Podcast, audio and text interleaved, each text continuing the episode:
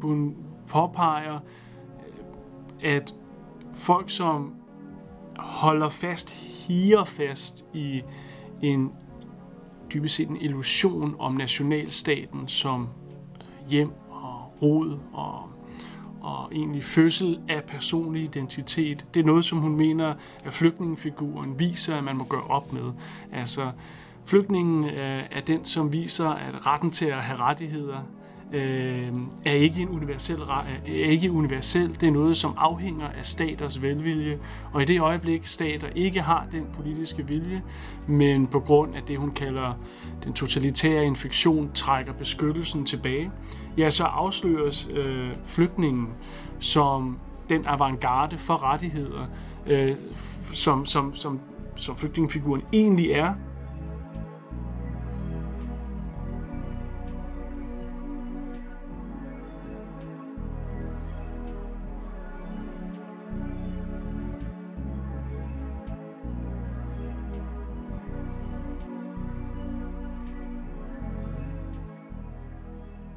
Hvad vil det sige at være flygtning med en identitet i limbo? At blive sat i lejre af både fjender og venner? Og hvad siger eksistensen af flygtningefiguren om selve nationen, demokratiet og adgangen til rettigheder? Han er Arendt, der selv var flygtning og i en periode på over 10 år var statsløs, mener, at flygtningen afslører noget grundlæggende om adgangen til rettigheder. Flygtningen afslører nemlig, at selve adgangen og retten til rettigheder afhænger af statsborgerskabets flygtige beskyttelse. Med udgangspunkt i Arends korte tekst Vi flygtninge fra 1943 og hendes tidlige hovedværk The Origins of Totalitarianism fra 51, har jeg i dette afsnit talt med adjunkt Martin Lemberg Pedersen om flygtninge, lejre, kolonialisme og totalitarisme, og hvorfor Arends tanker stadig er ultra relevante den dag i dag. Du lytter til Filosofikum. Mit navn er Rosa.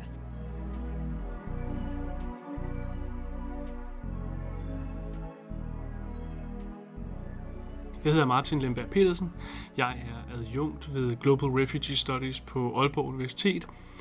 Så har jeg en Ph.D. Øh, i filosofi fra Københavns Universitet, hvor jeg med øh, min vejleder Nils Holtug og min bivejleder Rens van Munster fra DIS øh, skrev omkring europæisk øh, grænsekontrol og, og eksternalisering af samme til øh, ja, Nordafrika og Mellemøsten. Vi skal tale om øh, Arends tekst Vi flygtninge, som er fra 1943, øh, som jeg synes er sådan ret bemærkelsesværdig på flere måder. For eksempel, hvis vi starter med at se på selve sådan, titlen Vi flygtninge, så antyder den for det første, at vi har at gøre med en tekst, der er skrevet af en flygtning, en tænker, der selv er på flugt. Og for det andet, så antyder det her vi også, at den er rettet mod andre flygtninge. Øh, og den er også oprindeligt blevet udgivet i det her lille jødiske tidsskrift. Men teksten begynder på en sådan lidt spøjs måde, fordi at øh, den starter sådan her. For det første bryder vi os ikke om at blive kaldt flygtninge. Vi kalder hinanden for nytilkommende eller immigranter. Vores aviser bliver skrevet til tysktalende amerikanere, og så vidt jeg ved, er der ikke og har aldrig været en klub grundlagt af mennesker forfulgt af Hitler, hvis navn antydede, at de var flygtninge. Øh, så vil du starte med at fortælle om det her begreb flygtning? Hvad, hvad, sådan, hvad dækker det over, og hvordan adskiller det sig fra nytilkommen immigrant eller nydansker? Ja, det er faktisk øh, et super afgørende spørgsmål, som i hvad kan man sige, medie- og politiske diskurser øh, jo, jo egentlig er, er antaget ud af eksistens. Det er noget, vi, vi antager, vi ved, hvad det betyder, og så snakker vi derfra. Øh, der er det korte svar, som er, at man kan definere flygtning ud fra de forskellige juridiske kategorier, der nu er på spil.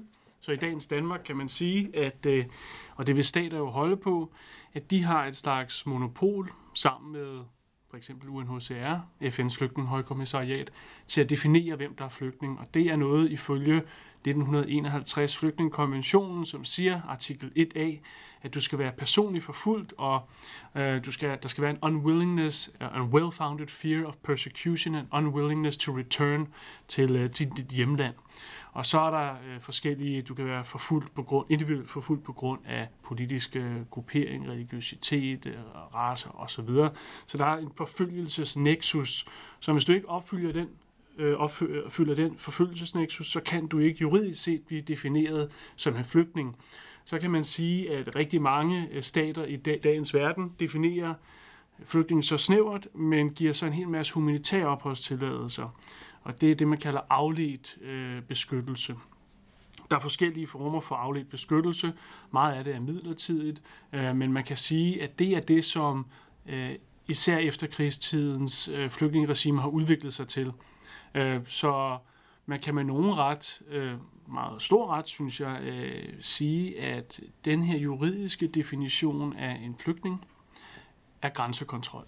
Øh, fordi at det er en meget snæver definition, og langt de fleste, som rigtig mange mennesker i normal tale vil kalde flygtninge, falder faktisk ikke under, ind under den her definition.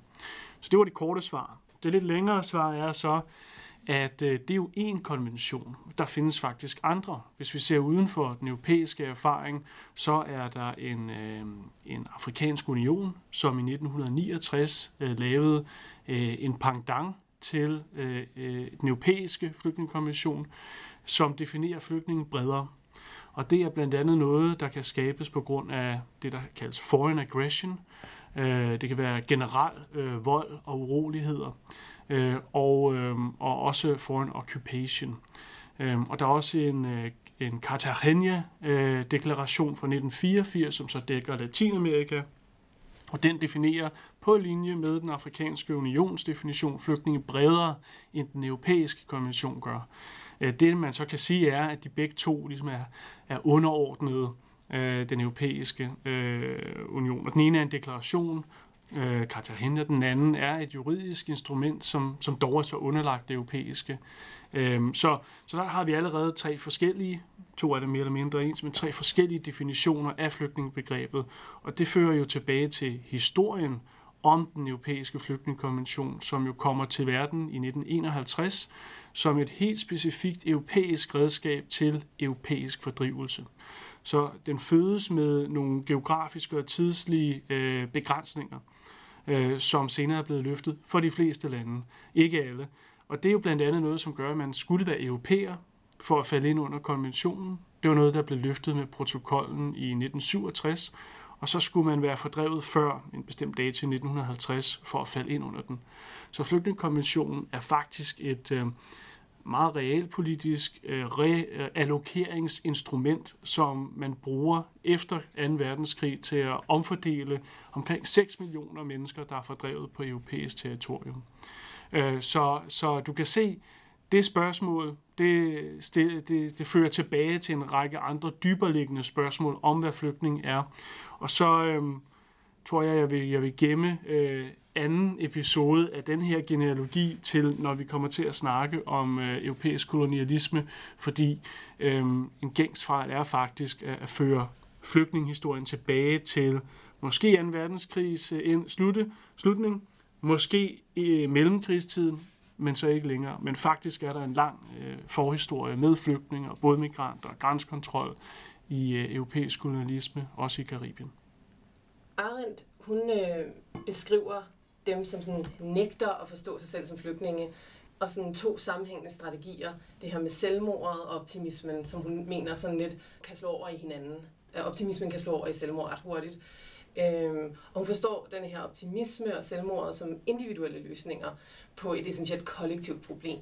Øhm, hvorfor er det vigtigt for Arendt og for andre at holde fast i begrebet flygtning? Øhm, og hvad hun kalder øh, flygtningen for avantgarde? Altså, hvad mener hun med, at flygtningen er avantgarde, og at historien ikke længere er en lukket bog for flygtningen? Ja, det bliver fortolkninger af, af Arendt her, men øh, det er hun jo nok... Øh, den her dobbelte rolle, som folk, øh, som det vi, hun skriver om, det handler jo om, at hun påpeger, øh, at folk, som holder fast, higer fast i en dybest set en illusion om nationalstaten som hjem og rod og, og egentlig fødsel af personlig identitet. Det er noget, som hun mener, at flygtningefiguren viser, at man må gøre op med. Altså, flygtningen øh, er den, som viser, at retten til at have rettigheder øh, er ikke en universel er ikke universel. Det er noget, som afhænger af staters velvilje.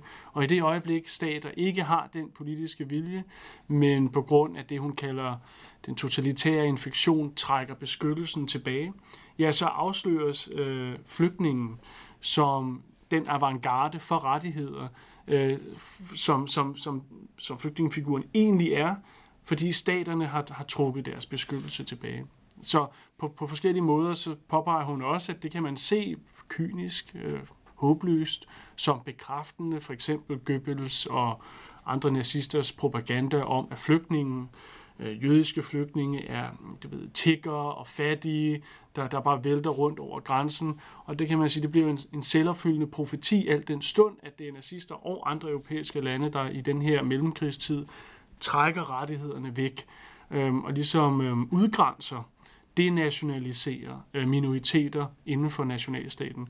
Så, så det er den her totalitære udgrænsning, som, som afslører, når alt andet falder væk bortom, flygtningefiguren står tilbage som avantgarde, ifølge Arendt.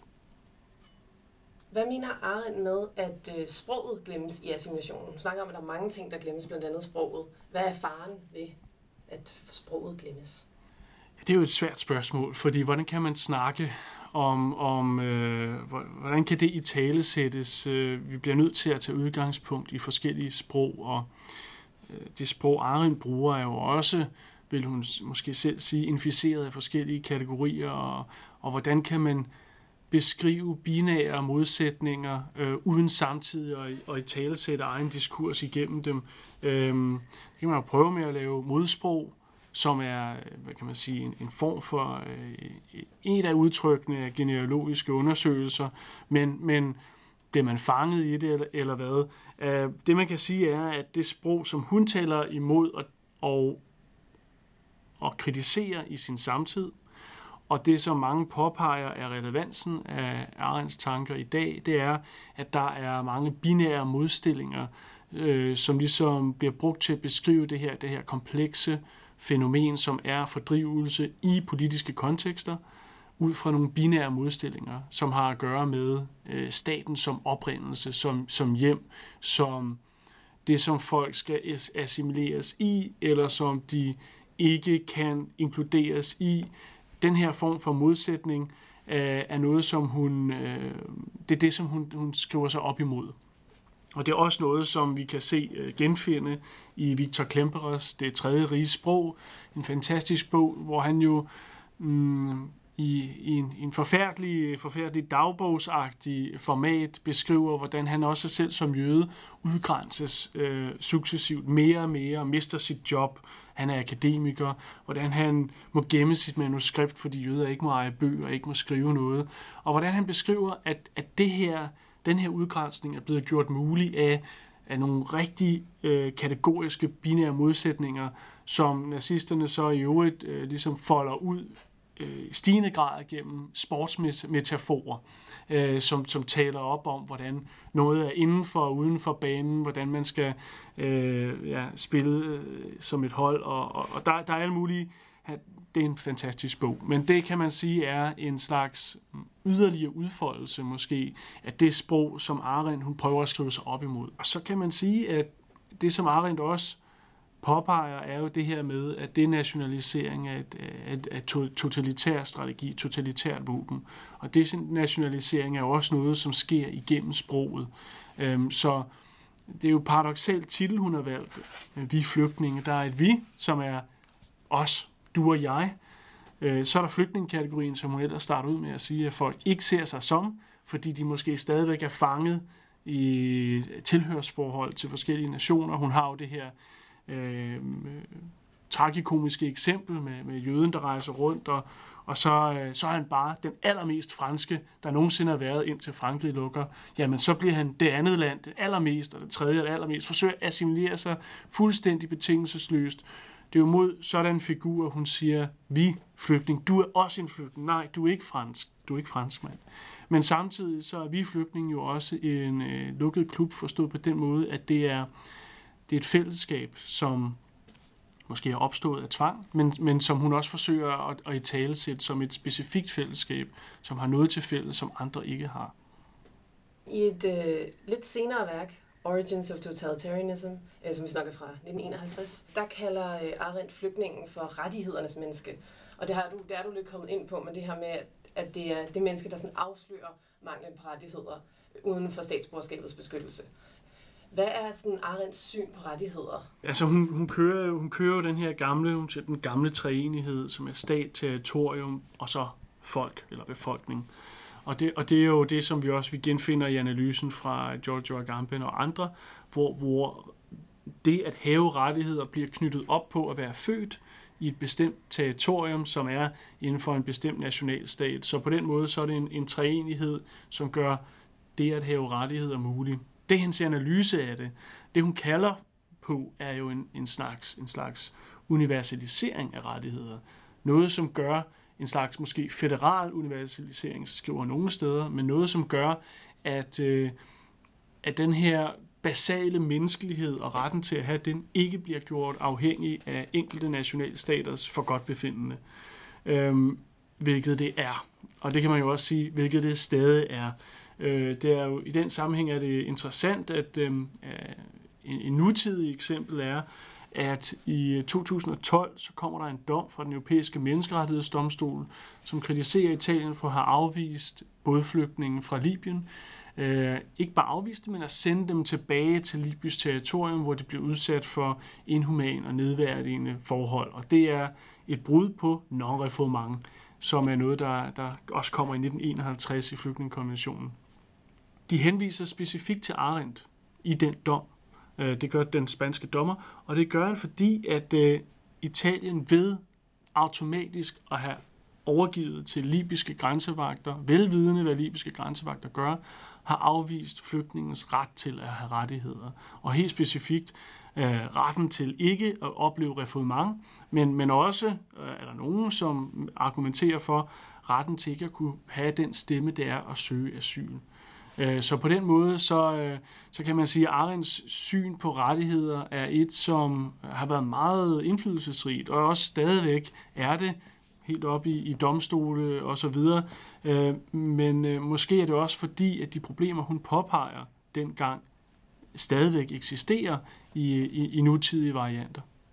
Men hvis vi går videre med The Origins of Totalitarianism, så, øh, så beskriver Arendt øh, den kolonialistiske ekspansion, som du også har snakket om, øh, som sådan rigtig, altså sådan helt tæt forbundet med den racistiske totalitarisme i Europa. Man kunne sige, at øh, at Hitlers magtovertagelse måske ikke burde have været så stor en overraskelse, hvis man har set det i forhold til kolonialismens grusomheder, som jo har været, altså, som var jo i lang tid før det. Vil du fortælle om forholdet mellem kolonialismen og behandlingen og udvisningen af flygtninge i Europa?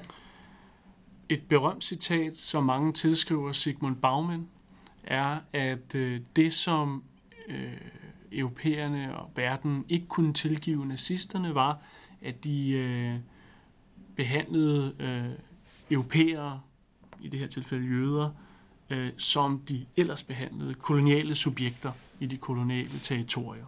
Altså at den her udryddelse og brutale udnyttelse og instrumentalisering af menneskeligt liv, det var en, der var forbeholdt kolonierne, og det var det store problem var faktisk i den europæiske øh, øh borgerskabsbevidsthed, at det nu blev brugt på europæere. Det er det interessant, at det bliver tilskrevet bagmand, fordi det er faktisk øh, en øh, karibisk øh, øh, øh, sort øh, akademiker, Amy Cesare, meget berømt, som, som har det her citat, og som, øh, som, som, som beskriver den her øh, knytning af, af, hvad var det tragedien ved holocaust var og knytter det til koloniale øh, masseudryddelsesteknologier, øh, som samtlige europæiske lande jo brugte. Så langt, så godt. Vi bliver nødt til at spørge, hvad er kolonialisme? Fordi øh, det, som Bagman og andre snakker om, det er måske typisk sådan scramble for Africa, og øh, hvordan øh, Afrika blev opdelt og befolkningerne brutalt øh, udnyttet i, i den sammenhæng. Hvis vi ser på Aimé Cesaris og derefter Bagmans forståelse af, hvad der var tragedien her, så er der lavet noget, noget, nogle spændende øh, øh undersøgelser af, af, den, øh, af de tråde, der faktisk kan knyttes fra øh, nazismen og tilbage til koloniale øh, møder. Herunder øh, det, som i dag er Namibia, som var tysk Sydvestafrika, hvor øh, rigtig mange af de tidlige øh, nazistiske stormtropper faktisk øh, faktisk øh, blev, øh, var, var koloniale tropper. Øh, og hvor der også var koncentrationslejre. Helt ned tilbage til, at SA og, og nogle af de tidlige nazistiske uniformer var de aflagte gamle koloniale uniformer fra det her yderst brutale korps, som kørte arbejds- og koncentrationslejre i, i, i, i nuværende Namibia. I øvrigt øh, en bog, der hedder Kaisers Holocaust, der er Kaisers Holocaust, som er øh, utrolig velskrevet, og, og, og som omhandler det her. Så man kan spore, øh, spore den der tragedien tilbage, også i forhold til lejerteknologi, deportationsteknologi og fordrivelsesteknologi. Når det så er sagt, så, øh, så mener jeg, at man faktisk bør gå videre, øh, fordi øh, Scramble for Africa øh, og, og den slags flygtningepolitik er ganske rigtig en, en, en vigtig, et vigtigt skridt tilbage. Øh, der, er, der er koncentrationslejre i, øh, i, øh, i Libyen, ja, italienske koncentrationslejre. Frankrig har i Algeriet, ja. Øh, England har i øh, Sydafrika det, som kaldes borerlejrene. Der var også en hel masse sorte koncentrationslejre, som der ikke er lavet lige så meget øh, øh, viden om. Øh, Spanien havde i Cuba, af Amerika havde i Filippinerne, så omkring fødslen af det 20. århundrede ser vi koncentrationslejren opstå. Og de første, der kalder det en koncentrationslejr, det er jo ikke nazisterne, det er faktisk øh, britterne, øh, som, som opfinder begrebet koncentrationslejr til øh, bor flygtningene i Sydafrika. Og det er interessant, at de opfinder begrebet og bruger det. Øh, de skifter med at beskrive de samme lejre som koncentrationslejre og flygtningelejre. Øh, og ideen er det, man kalder dengang civilian concentration, fordi øh, alle af de her øh, kontekster er, øh, hvor koloniale subjekter laver guerillakrig, og hvor koloni, kolonimagter derfor laver scorched earth, afbrændt jords taktik, øh, målretter mod civile som støtte til guerillagerne, og derfor laver en hel række af de her teknologier, lejre, deportationer, øh, som vi jo i øvrigt genfinder som former for grænsekontrol senere op igennem det 20. århundrede. Men før vi kommer til Afrika, så ser vi faktisk i Karibien en, øh, en lang række fortilfælde på både flygtninge, grænsekontrol og eksternalisering, øh, som er noget, som så rejser over, øh, kan man sige, gennem tiden. Så vi ser med Haitis fødsel, øh, som, som er, kommer ud af den franske, meget, meget rige øh, sukkerkoloni Saint-Domingue, øh, fra 19, øh, 1791 øh, til omkring 1805, så ser vi, at øh, det, den, det kommer store slaveoprør. Det skaber en lang række store flygtningestrømme af på det her tidspunkt plantereliten, altså dem, som ejer plantagerne, ejer slaverne, som flygter rundt og spredes i Karibien, som har en maritim geografi, og, og møde og, og blandt andet øh, opbevares i, i Cuba, i øh, New Orleans, øh, i staten Louisiana, øh, hele vejen langs den meksikanske golf, også på de danske vestindiske øer, øh, som også modtager rigtig mange bådflygtninge på det her tidspunkt. Og der ser vi en racialiseret, kan man sige, øh, øh, opdeling øh, øh, af dem, som ankommer. Det vil sige, de hvide bliver typisk givet flygtningestatus, former for asyl. Man kalder det forskellige ting, for vi har jo et andet juridisk regime end flygtningekonventionen fra 1951. Vi har også et andet regime end øh, Folkeforbundet, øh, som vi ser i mellemkrigstiden. Det her, det er af nogen betragtet som fødslen af øh, øh international øh, menneskerettighedslovgivning, nemlig det her øh, med, at folk kan have noget nogle universelle rettigheder, altså faktisk det, som Arendt forsøger at tale sig ind i. Øh, og det er jo noget, som vi ser også med den universelle menneskerettigheds tankegang og humanitarianismen, som, som fødes også øh, i den her periode.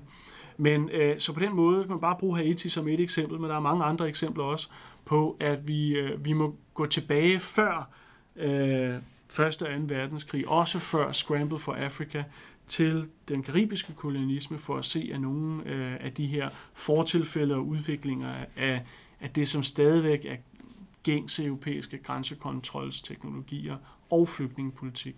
Arends øh, beskrivelse af, af det statsløse menneske, af flygtningen, af det her menneske, der sættes i koncentrationslejre, både af fjender og venner, som du lige har kommet ind på, øh, er blevet taget op af som du også selv har nævnt, øh, blandt andet af Gampen og Bembe og rigtig mange øh, nutidige filosofer.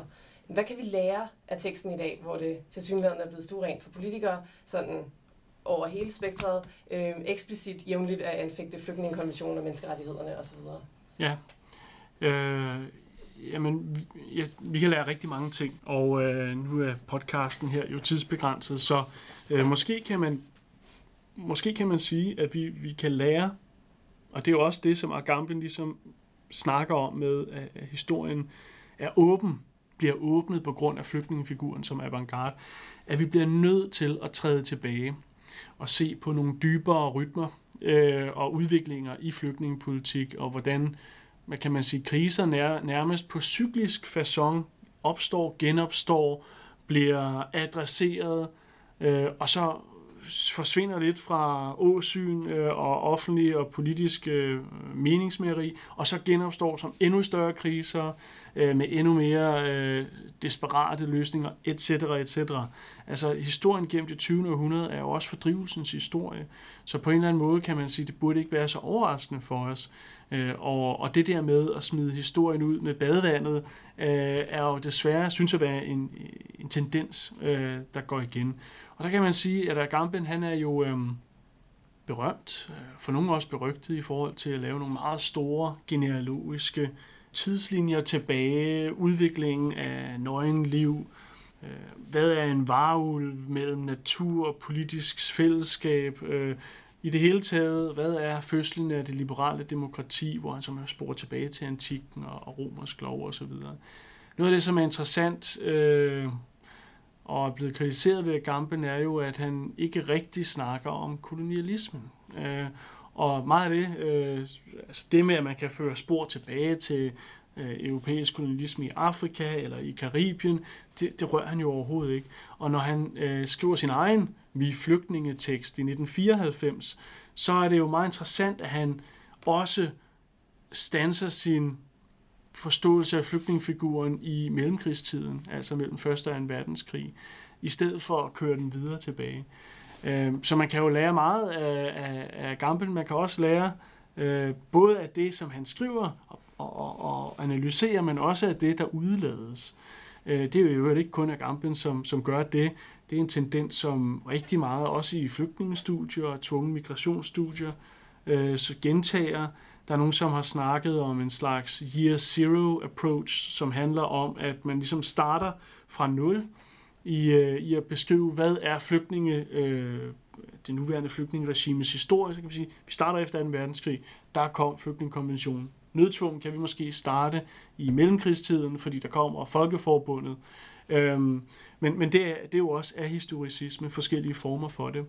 Øh, så kan man sige, at Mbembe med hans nekropolitik øh, og senere arbejde, han gør jo netop det. Han går bare direkte i, i, i clinch med postkolonial tænkning og, og folder det ud øh, ved en, også en læsning af Hegel, som, som andre, som for eksempel Susan Buck-Morstow, øh, måske øh, vil være kritisk over for. Altså kan man igen, hvordan kan man tænke over kategorier som det universelle, øh, uden at lave en dekolonisering af det begreb? Og det er et godt spørgsmål. Det er noget, jeg ikke har, fået, øh, har fundet et svar på endnu, men, men som jeg mener faktisk er utrolig afgørende, når vi snakker filosofi, fordi spørgsmålet går bredere ud igen. Altså, øh, du kan se øh, en, en tænker som Edward Said, han kritiserer også Foucault for at mangle det her postkoloniale og dekoloniale perspektiv. Øh, så i stedet for ligesom at måske, i stedet for at hive enkelte tænkere ud og sige, hvor er problemet, så kan vi jo efterhånden jo, øh, jo nok reflektere os til, at det er et helt generelt problem ved, ved mange øh, fagligheder, discipliner og videnskaber. Og, øhm, og der har for eksempel i antropologi været en, et meget stort selvopgør med øh, kolonial tankegang i 1960'erne, som måske så er forsvundet lidt øh, fra syn og måske skal genoptages nu, men det fører til spørgsmålet, om filosofi har, har gjort det samme, øh, og man har taget højde for, at øh, mange af filosofiens fædre, det er jo så typisk også rimelig øh, en, en kønnet læsning af filosofihistorien. Han er Arendt er jo en undtagelse i forhold til øh, øh, en meget stor dominans i pensum og andet af mandlige filosofer, som så også typisk er hvide filosofer. Øh, men, men har vi stillet spørgsmål om, hvordan filosofien og moral og etik har udviklet sig?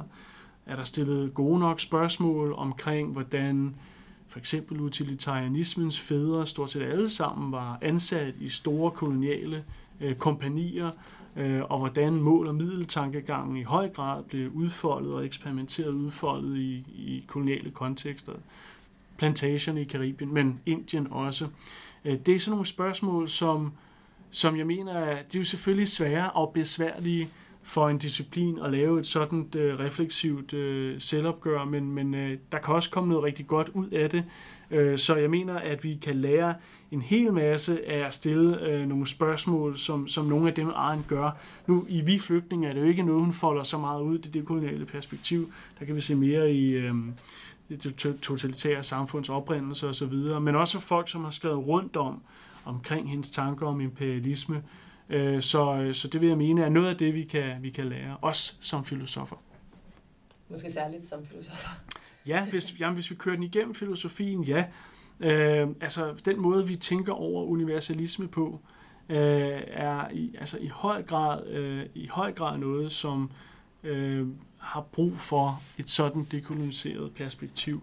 Men som sagt, en lang række andre discipliner, fagligheder, som, øh, som antropologi, øh, som geografi, øh, som demografi, alle sammen øh, har behov for en, en, en sådan dekolonisering. Ja. Her til sidst, Arendt, hun afslutter teksten med, med en sådan slags advarsel om, at den europæiske øh, sameksistens er blevet splindret i det eksklusion og øh, forfølgelse af de sådan, svageste medlemmer er blevet tilladt. Øh, hvilke konsekvenser har den her eksklusion af de inkluderede hos Arendt? Og sådan, hvad tænker du nu her, 76 år senere, om den her afslutning? Du er lige kommet ind på det, men sådan, ja. Ja. Ja, men hun, altså hun, hun advarer jo, at, og der har været, nu skriver hun jo det her i 43, øh, og siden da har der været masser, som, som har udtrykt det på andre måder.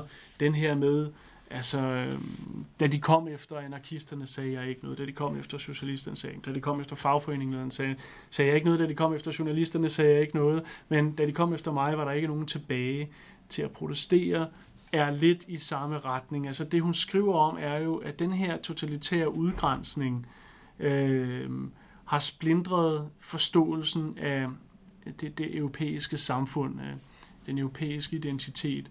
Men givet det, vi har snakket om i, i løbet af vores samtale, så kan man jo stille et meget åbent spørgsmål, om der nogensinde faktisk var en europæisk identitet af en universel slags, øh, eller om det er noget, som er blevet skabt i, i nogle sociale hierarkier, øh, som, som, har, som har krævet, at nogen har været privilegeret øh, i forhold til andre. Øh, men man kan sige, Måske kan man godt sige, at det som Arendt også, og det sidste citat og, og hendes arbejde, ligesom måske grundlæggende gør, det er at, at hive tæppet væk under den illusion. Om hun så selv tager, hvad kan man sige, de radikale skridt derefter. Hun kalder jo på en slags føderal universalisme i forhold til at skabe et nyt beskyttelsesregime. Vil så noget være muligt, øh, hvis man har lavet en dekolonisering af flygtningebegrebet og grænsekontrol? Det er et åbent spørgsmål, men i hvert fald er hun jo med til med at se flygtningefiguren som avantgarde og hive tæppet væk under denne her um, måske illusion om universelle rettigheder og vise, hvordan den peger tilbage på et nationalstatsligt system, som allerede, altid allerede er afhængig af nogle sociale hierarkier og nogle udstødelsesmekanismer. Har du noget andet? Ellers så tror jeg, vi... Øh... ja, det eneste skulle være at sige, at med EU er der blevet skabt en eller anden form for føderal-agtig øh, entitet øh, efter Arends tid. Og øh, der er lavet noget meget spændende arbejde omkring, hvordan kolonialisme var fuldstændig øh, afgørende i fødslen og den politiske fantasi, der omgager øh, hvad kan man sige, fødslen af de, de europæiske fællesskaber, industriunionen osv. osv. Hvordan forholdet til især Afrika, det man engang kaldte Øv-Afrika, øh, altså EU-R Afrika, hvordan Europas forhold til tidligere kolonier øh, var fuldstændig afgørende for, for ideen om europæisk samarbejde, om fælles europæisk samarbejde. Øh, Stefan Jonsson og P.O. Hansen har skrevet øh, om det her. Øhm, så man kan sige, at det, det, det er egentlig en måde at bringe relevansen af at sige, hvad er det så, man skal gøre, og hvordan har historien spillet sig ud øh, efter Arendt øh, skrev sine berømte værker. Øh, hvordan er EU's asylpolitik i dag, forhold til tidligere kolonier. Øh, det, øh, det viser i hvert fald, som hun siger, at øh, historiens bog er ikke lukket. Den er foldet sig ud herefter, og, og mange af de problemer og problematikker, som hun taler om, gentager sig. Øh, om det så er som øh, tragedie eller, eller farse, det er jo op til, til, til øjnene, der ser.